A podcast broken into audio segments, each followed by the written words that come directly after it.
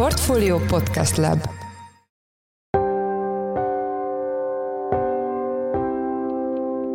Mindenkit üdvözlünk, sziasztok! Ez a Checklist a Portfolio podcastje február 23-án csütörtökön. A műsor első részében Göt példáján keresztül járjuk körbe, hogy miként hat egy város ingatlan piacára egy hatalmas ipari beruházás, például egy akkumulátorgyár, amely nem csak Gödön, de Debrecenben is borzolja a kedélyeket. Gödre sokan költöznek azért, mert a gyárban kapnak állást, de ezeken a lokációkon, amik közel vannak a gyárhoz, egyértelmű az, hogy nem szívesen választják ezeket lakóhelyül az ott dolgozó dolgozók, és nyilván akiknek meg itt volt ingatlana, az meg nehezebben tudja azt eladni. Vendégünk Nagy Bálint, a pénzcentrum vezető szerkesztője. A második részben arról lesz szó, hogy megjelent a rovarfehérjét tartalmazó élelmiszerek bolti jelölését szabályozó rendelet, miután az Európai Unió több rovarfaj esetében engedélyt adott az étkezési célú forgalmazásra. Erről Braun Müller Lajossal, a portfólió elemzőjével beszélgetünk. Én Szász Péter vagyok, a Portfólió Podcast Lab szerkesztője, ez pedig a checklist február 23-án csütörtökön. A debreceni akkumulátorgyár építése kapcsán leginkább környezetvédelmi agályok merülnek fel, de az is gyakran elhangzik, hogy mennyire fogja ez az új létesítmény zavarni a környéken lakókat. A zaj, a fény, a forgalom mind olyan tényezők, amelyek megkeseríthetik azok életét, akik a közvetlen környezetében laknak egy ilyen beruházásnak. Hogy ez mit jelent ingatlan piaci szempontból, arról vannak már tapasztalataink, például a Samsung Gödi gyára kapcsán. Itt van velünk a stúdióban Nagy Bálint, a pénzcentrum vezető szerkesztője. Szia! Üdvözlöm a hallgatókat! Kérlek, elsőként azt szedjük össze, hogy milyen tényezőket kell figyelembe venni akkor, amikor az ingatlanok értékét határozzuk meg, ha felmerül egy ilyen üzemépítésének a lehetőségeit. A többség az nyilván negatív, de gondolom vannak pozitív változások is. Igen, mi a Debreceni akkumulátorgyár fejlesztése kapcsán voltunk kíváncsiak arra, hogy mennyire befolyásolja az ingatlan piacot egy ilyen gyárnak a, az építése, és ahogy mondod, nyilván vannak negatív tényezők is, de vannak szép számmal pozitív tényezők is, amik befolyásolják egyrészt a, a kereslet kínálatnak az alakulását, illetve az ingatlan árainak az alakulását is. Hogy soroljak néhányat a, a negatív oldalról, nyilván az, amit említettél, hogy egy ilyen gyárnak, üzemnek a működése során extra hanggal jár, fényszennyezés is ilyenkor felszokott merülni, és mindenféleképp negatív lehet az, hogy milyen szennyező anyagok juthatnak adott esetben a környezetben. Én nem azt mondom, hogy ez valóban meg is történik, de az biztos, hogy a félelmek valósak, amik hatással vannak az ingatlan piacra. Tehát ezeket sorolnám a negatív tényezők köz. És hát nyilván a pozitív oldalon meg érdemes felsorolni azt, hogy egy ilyen gyár egyértelműen plusz adóbevételeket jelent az adott vár városnak, amiket nyilván fejlesztésekre tudnak fordítani. Fejlődhet az infrastruktúra, óvodákat létesítetnek, iskolákat, parkokat, amik mind-mind felhúzhatják az ingatlanoknak az értékét. Nyilván a munkaerő, aki ide költözne az adott gyár közelében, mert ott fognak dolgozni, azok szintén növelhetik a keresletet, és így felfelé tolhatják az árakat. Nyilván a lokáció az persze nagyon fontos ezeknél az ingatlanoknál, ha közelebb van a gyárhoz, akkor nyilván más tényezők kerülnek erőtérbe, mint a városnak egy másik részén, teszem azt Göd esetében a Dunaparti régióban. Gondolom az, az sem mindegy ebben az esetben, hogy valaki tényleg lakni szeretne ott, és neki a csend a fontos, hogy azt mondja, hogy á, de jó, az ingatlan mindentől kezdve befektetési célra használhatom, mert mondjuk ki tudom adni egy munkásnak, vagy több munkásnak. Értelemszerűen ez igaz lehet. Én az ingatlanos szakemberekkel, akikkel beszéltem, ők például azt mondták, hogy a közvetlen közelében a gyárnak, az új telepváros részen, ott például számítanak arra, hogy a gödi beruházás végleges állapotának az elérése után fel fognak futni ezeknek az ingatlanoknak, jellemzően építési telkeknek a iránti kereslet, hiszen a beruházók adott esetben munkásszállókat fognak építeni, olyan szociális bérlakásokat, vagy simán bérlakásokat, amelyeket a gyárban dolgozók, de nem ott életvitelszerűen lakók tudnak majd használni. Kicsit maradjunk Gödnél, ez nem egy rossz lokációjú település, sok budapesti választhatja ezt, vagy éppen Dunakeszit, vagy Vácot lakhelyéül. Hogyan alakult a lakosság szám az elmúlt években? Egyértelműen igazolják a statisztikák, hogy egy nagyon jól prosperáló településről van szó. Nyilván kötött pályás közlekedéssel is el lehet érni, de amióta az M2-es utat ugye bővítették, azóta még inkább elérhető, az autósok is előszeretettel preferálják. A KSH-nak a statisztikái szerint egyértelműen növekszik, éves szinten 1-2 százalékkal gödnek a lakossága. Hogyha összehasonlítjuk a környező településekkel, például Dunakeszivel, akkor azt látjuk, hogy a környező településeken inkább stagnál a népesség számnak a növekedése. Tehát én azt gondolom, hogy a gyárnak a fejlesztése az mindenféleképpen pozitív a lakosság szám növekedését figyelembe véve. Beszéljünk arról, hogy a település átlagában hogyan alakultak az ingatlanárak. Göd ingatlan piacán egyértelműen megfigyelhető, hogy a 2008-as válság után elhúzódóan stagnáltak az árak. 2015-ben viszont magához tért a piac, és egy elképesztő fellendülés figyelhető meg. 2022-ig gyakorlatilag az égbe törtek a, a, az ingatlan árak 2022-ben a lakóingatlanok átlagára 636 ezer forint volt négyzetméterenként Gödön, összehasonlítva a két környező településsel Dunakeszin olyan 777 ezer forintért lehet egy négyzetmétert átlagosan megvásárolni, a Pest megyei átlag pedig 648 ezer forint, tehát a gödi átlagárak nagyjából reprezentálják a teljes Pest megyei kínálatot is. Írta egy elemzést a pénzcentrumra ezzel kapcsolatban, amelyben megkérdeztetek néhány ingatlanost, hogy miként hatott az üzem a közvetlen környezetében lévő ingatlanok árára. Mit mondtak ezek a szakértők? Igen, hát itt egyértelműen negatívak egyelőre az ingatlanosoknak a visszajelzései bár teljes göttelepülésnek az ingatlanpiaca az jól prosperál. Ezt számos statisztika is igazolja, ezekről korábban beszéltünk, de a lokáció, illetve hát a részletek az pontosan a lokációban rejlenek. Azok a városrészek, Gödnek azok a városrészei, új telepet például már említettem, de alsó Gödnek néhány utcája, ami a közvetlen közelében van a gyárnak, tehát ha kinyitjuk az ablakot, látjuk a gyárat, adott esetben ez néhány métert is jelenthet, ott kifejezetten rosszul teljesít az ingatlanoknak a piaci kereslete kínálata. És az ingatlanosok, nyilván ők ugye beszélnek az eladókkal, mit tapasztalnak? Tehát az emberek kifejezetten a beruházás miatt szeretnének mondjuk elköltözni, vagy csak egyszerűen félelmeket fogalmaznak meg ezzel kapcsolatban? Mit lehet látni? Gödre sokan költöznek azért, mert a gyárban kapnak állást, de ezeken a lokációkon, amik közel vannak a gyárhoz, egyértelmű az, hogy nem szívesen választják ezeket lakóhelyül az ott dolgozók, és nyilván akiknek meg itt volt ingatlana, az meg nehezebben tudja azt eladni, mi azt láttuk, a KSH ezt is méri, hogy évente hány ingatlant értékesítenek ezekben az utcákban, és gyakorlatilag 2005 óta nem adtak el több mint három ingatlant ezekben a közeleső utcákban, tehát gyakorlatilag tetszhalott állapotban van ezeknek a lokációknak az ingatlan piaca. Van arra valamilyen számítás, hogy amikor kiderül, hogy egy környéken épül egy ilyen üzem, akkor hány százalékkal szoktak átlagosan csökkenni az adott ingatlanára? Ugye itt nyilván a magasabb bázisról nagyobbat lehet esni, alacsonyabbról alacsonyabbat, de kérdés, hogy van-e egy átlagos? Erre nincsen exakt kutatás, de azért a, a, a Gödi példa azt azért látni kell, hogy ez nem egy városi terület.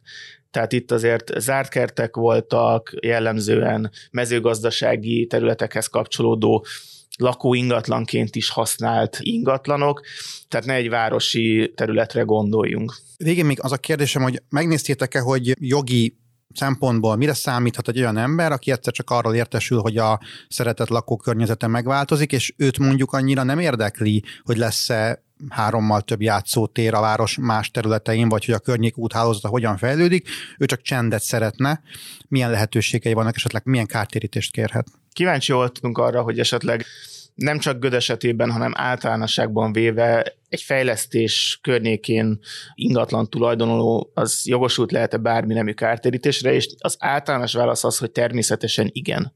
Viszont az az ingatlan jogász, akivel mi beszéltünk, egyből hozzátette azt is, hogy ez egy nagyon bonyolult jogi hercehurca, ami nem csak sok időbe, hanem sok pénzbe is kerül, és nyilvánvalóan, főleg egy ilyen kiemelt beruházás esetén nem csak egy nagy világvállalattal kerülhetünk szembe, hanem akár a magyar állammal is. És hát nyilván egy magánszemélynek nem feltétlenül ugyanazok a pozíciói egy ilyen perben, mint egy nagy vállalatnak, de kétség kívül van rá precedens, hogy ilyen esetben kártérítést ítéltek meg, adott esetben egy ingatlan tulajdonosnak is Magyarországon. Akkor összefoglalva elmondhatjuk, hogy azért nincs, nem, nem túl jó hír valaki számára, hogyha a lakókörnyezetében, közvetlen környezetében épül egy ilyen üzem, esetleg, hogyha, hogyha befektetési céllal szeretné a lakását hasznosítani, akkor igen. Az elmúlt percekben Nagy Bálint, a pénzcentrum vezető szerkesztője volt a vendégünk. Köszönjük szépen, hogy a rendelkezésünkre álltál. Én is köszönöm. Nem szorulunk rá a kukacevésre, mondta Nagy István agrárminiszter néhány hete annak kapcsán, hogy az Európai Unió több rovarfaj esetében engedélyt adott az étkezési célú forgalmazásra. Most megjelent a vonatkozó magyar rendelet, amely meghatározza, hogy miként kell jelölni a rovarfehérjét tartalmazó élelmiszereket a boltokban. Vendégünk Braun Müller Lajos, a portfólió elemzője. Szia! Szervusz, én is üdvözlöm a hallgatókat. Bár az elmúlt hetekben ezt többen megtették, de kérlek te is tett tisztába, hogy mit jelent pontosan a rovarfehérje, hiszen eddig is fogyasztottunk olyan színezéket, olyan adalékanyagokat, amelyek valamilyen ízelt lábúból származnak. Bizony, bizony az ízelt lábúaknak a különböző adalékanyagait vagy termékeit azt felhasználta az élelmiszeripar már eddig is, tehát ebben nincsen újdonság. Ugye ebben az egyik jó példa az a valódi kármin, amit egy atkaféléből vonnak ki, és ez tulajdonképpen ilyen piros színű, nagyon élénk piros színű anyag, és akkor ez különböző mennyiségekben keverve képes piros vagy rózsaszín színt adni különféle élelmiszereknek, ilyen rózsaszín, joghurtok, különböző tejtermékek, de hústermékekben is használják ezt. Tehát ebben nincsen újdonság, ez egy több évtizedes gyakorlat az élelmiszeriparban Magyarországon is. Ugye itt ez a rovaroknak egy különböző anyagairól van szó, amiket az ő testükből kivonnak, tehát ez egyfajta kivonat. Ami újdonság, az a rovar fehérje, ami kicsit pongyolán nagyjából azt jelenti, hogy a rovarnak a teste, a rovarnak a húsa. Ez persze különböző formában feldolgozva. Ugye itt az egyik leggyakoribb feldolgozási forma az a rovarliszt, amikor tulajdonképpen ezeknek a rovaroknak a testét kiszárítják, vagy a, lárváiknak a testét kiszárítják, és ezt porítják, és akkor tulajdonképpen ebből egy ilyen világos barnás, ilyen lisztszerű anyag lesz, és akkor ezzel lehet dolgozni, az élelmiszeripar tud ebből különféle termékeket készíteni.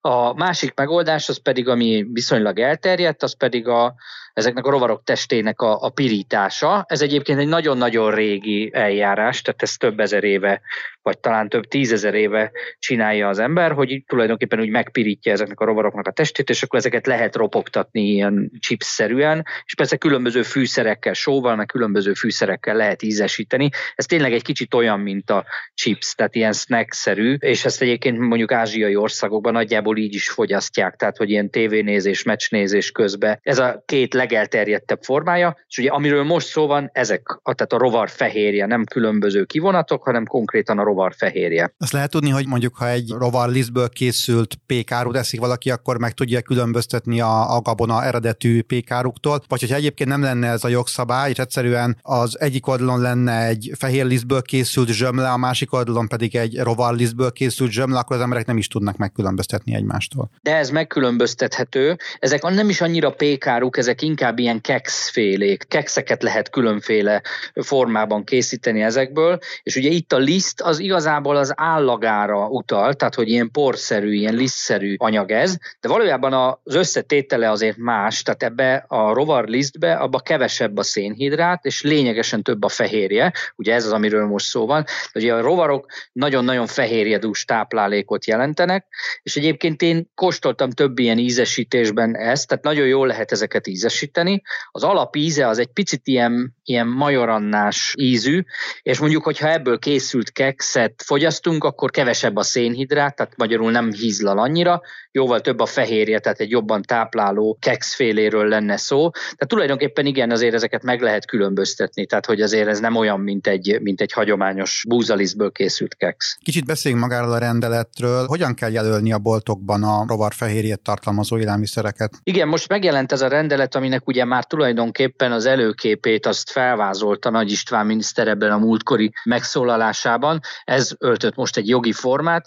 Itt ugye az van, hogy el kell különíteni a rovarfehérjéket tartalmazó élelmiszereket a boltokban, tehát egy eleve egy másik polcon, egy ilyen jól látható, elkülönített helyen kell őket tartani, ezeket a termékeket tartani, és ami nagyon fontos, hogy legalább a termék megnevezésére használt betűmérettel fel kell tüntetni a következő szöveget, figyelem, az élelmiszer rovar fehérjét tartalmaz. Magyarul, hogyha mondjuk rá van írva valamire, hogy nem tudom én, keks vagy snack, akkor legalább ugyanakkor a betűkkel. Tehát azért ezt nem nagyon lehet nem észrevenni, tehát nem ilyen apró betűs elrejtett utalás lesz, hanem kifejezetten nagy betűkkel. Nekem van egy olyan érzésem ezzel kapcsolatban, hogy sok kiskerlánc nem fog foglalkozni ilyen élelmiszerekkel, hiszen az emberek ellenérzései alapján én legalábbis azt gondolnám, hogy nem lesz túlzottan nagy forgalma. Lehetséges, hogy ez így van, illetve én úgy gondolom, hogy ezek olcsók, ezek az élelmiszerek, de lehet, hogy tévedek. Lehetséges-e az, hogy, hogy az árukkal fognak népszerűségre szert tenni? Én nem gondolom, ezek most nagyon drága élelmiszerek, ezek különféle országokban feltűnnek Európában, alapvetően kuriózumnak, egy ilyen érdekességnek, exotikumnak számítanak. Nem rosszak egyébként ezek, tehát én többfélét kóstoltam, általában azért ezek elég finomak, meg hát ugye mondtam, hogy a magasabb a fehérje tartalmuk és alacsonyabb a szénhidrát, tehát azért alapvetően, ha a gyerekek ilyeneket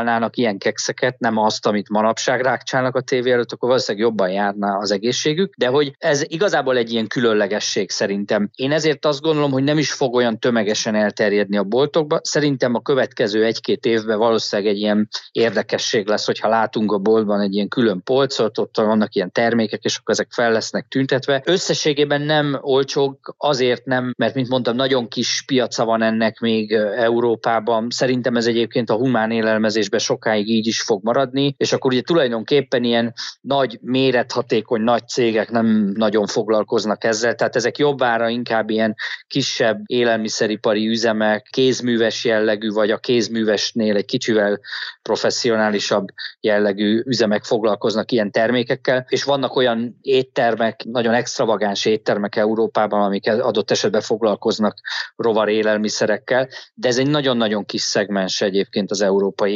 élelmezésnek, és én azt gondolom, hogy ez nagyon sokáig így is fog maradni. Hogyha nem a humán élelmezésben, akkor hol lehet ennek létjogosultsága? Én azt gondolom, hogy a világ egészében a humán élelmezésben is lehet. Európában kulturális okokból szerintem nagyon sokan viszonyognak ettől, és szerintem ez még sokáig így is lesz. Jól lehet egyébként teljesen ártalmatlan, sőt, hát kifejezetten jótékony hatású élelmiszerek. Az a terület, ahol ez igazán teret nyerhet, az a takarmányozás, én azt gondolom. Ebből a szempontból valóban olcsó. Tehát ezen a téren tudna olcsó lenni, olcsó fehérje forrás lenni.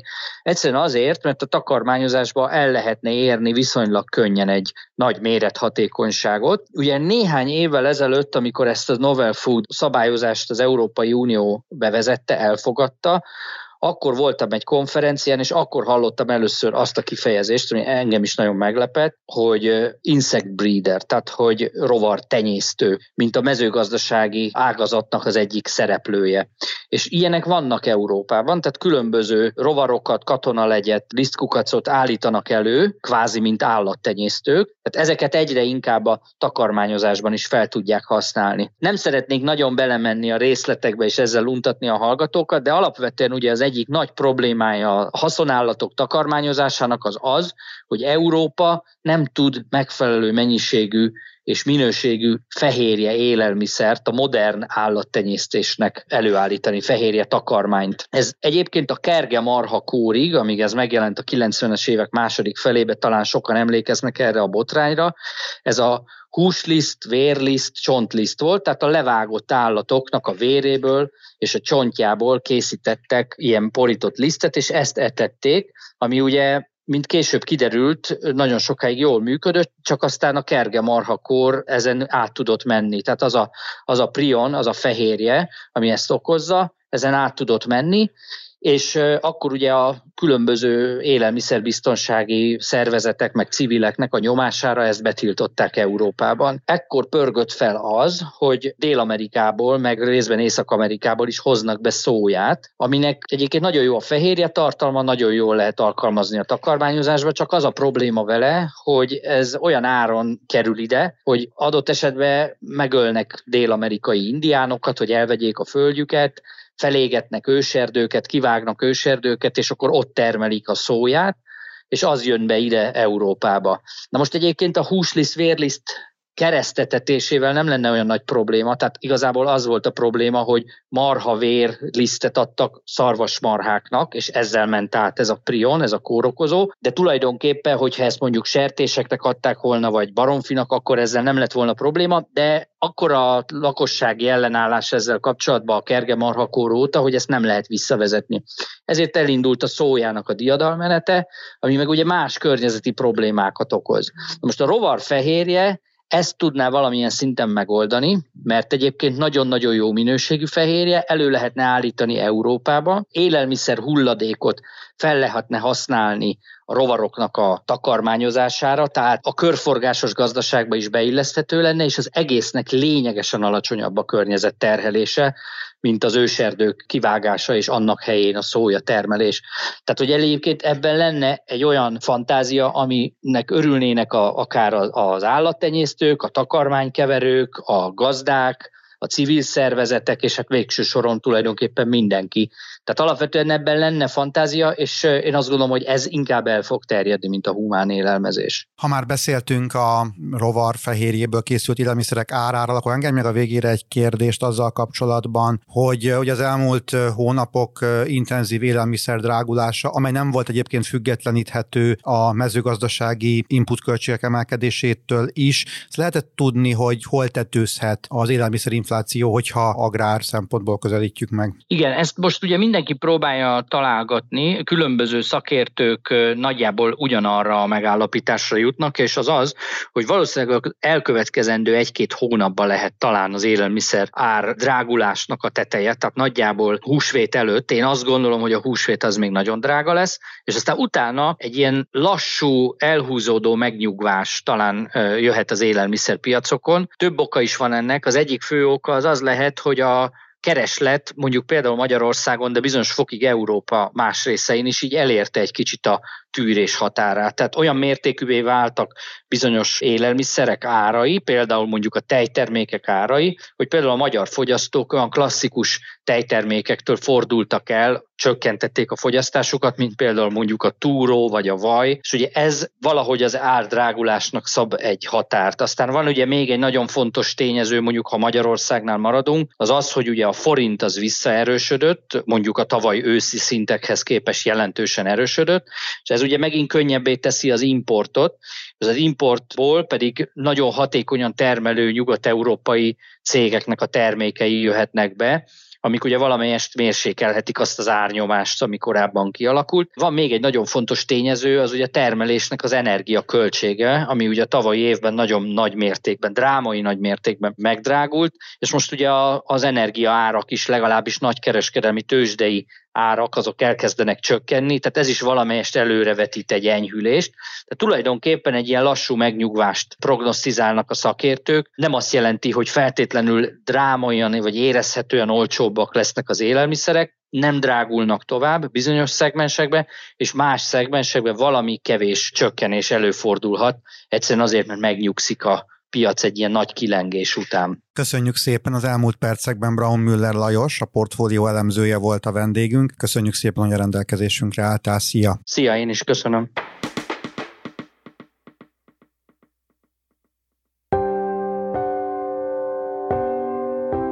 Ez volt már a Checklist, a Portfólió napi podcastje február 23-án. Ha tetszett a műsor és nem tetted volna, iratkozz fel a Portfólió Checklist podcast csatornára valamelyik nagyobb platformon, például Spotify-on, Apple vagy Google Podcast-en. Ha segítenél nekünk abban, hogy minél több hallgatóhoz eljussunk, értékelj minket azon a platformon, ahol ezt az adást meghallgattad. A mai műsor elkészítésében részt vett Gomkötő Emma és Bánhidi Bálint, a szerkesztő pedig én voltam Száz Péter. Új műsorral péntek délután 5 óra körül jelent jelentkezünk, addig is minden jót, sziasztok!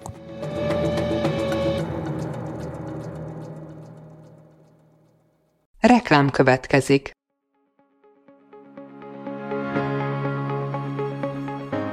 Raúl Müller Lajos vagyok, az Agrárszektor főszerkesztője. Májusban két tematikus konferenciát is rendezünk Kecskeméten az agrofood szektor szereplőinek. A május 22-én tartandó Portfolio Agrofood 2024 konferencia az élelmiszeripari vállalkozások, beszállítóik, a szolgáltató cégek és a kereskedők számára nyújt egyedi betekintést az aktuális trendekbe. A május 23-án megrendezendő Agrofuture konferencia pedig egyedülálló módon tematikus formában foglalja össze a hazai agrárgazdaság fenntarthatósági követelményeit és innovációs lehetőségeit. Jöjjön elő is, részletek és jegyek a portfolio.hu per rendezvények oldalon.